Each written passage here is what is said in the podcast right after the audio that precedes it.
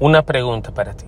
¿Eres tú uno de esos gerentes, líderes, supervisores que se quejan de sus empleados?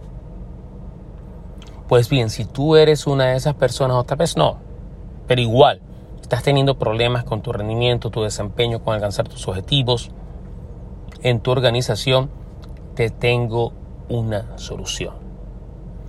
Antes de contratar a cualquier persona, antes de que empiece el proceso de contratación, identifica, y esta es la palabra clave, identifica las personas más apropiadas para tu organización. Y no estoy hablando en este momento de habilidades, de conocimientos, de experiencia.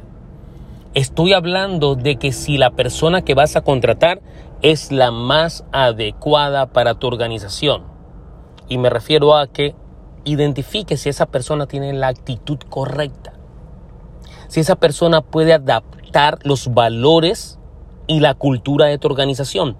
No todas las personas, no todas las personas son un gran match para las organizaciones. Hay personas que son buenas y se identifican con muchas organizaciones, con muchas industrias, pero con otras no.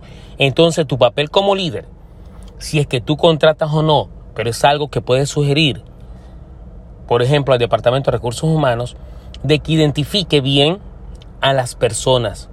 ¿Cuáles son las personas adecuadas para tu organización? Si quieres construir un equipo de ganadores, no puedes contratar a perdedores. Ese es el ejemplo más claro.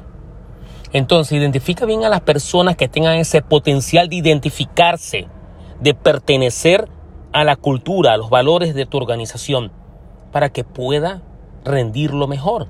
Y una vez que los tenga, atráelos, reténlos, entrénalos, desarrollalos para que sigan aportando valor a tu empresa. Espero que hagas esto y recuerda, no solamente construirás un gran equipo de trabajo, sino que también evitarás quejarte de tu propia gente. Hasta la próxima.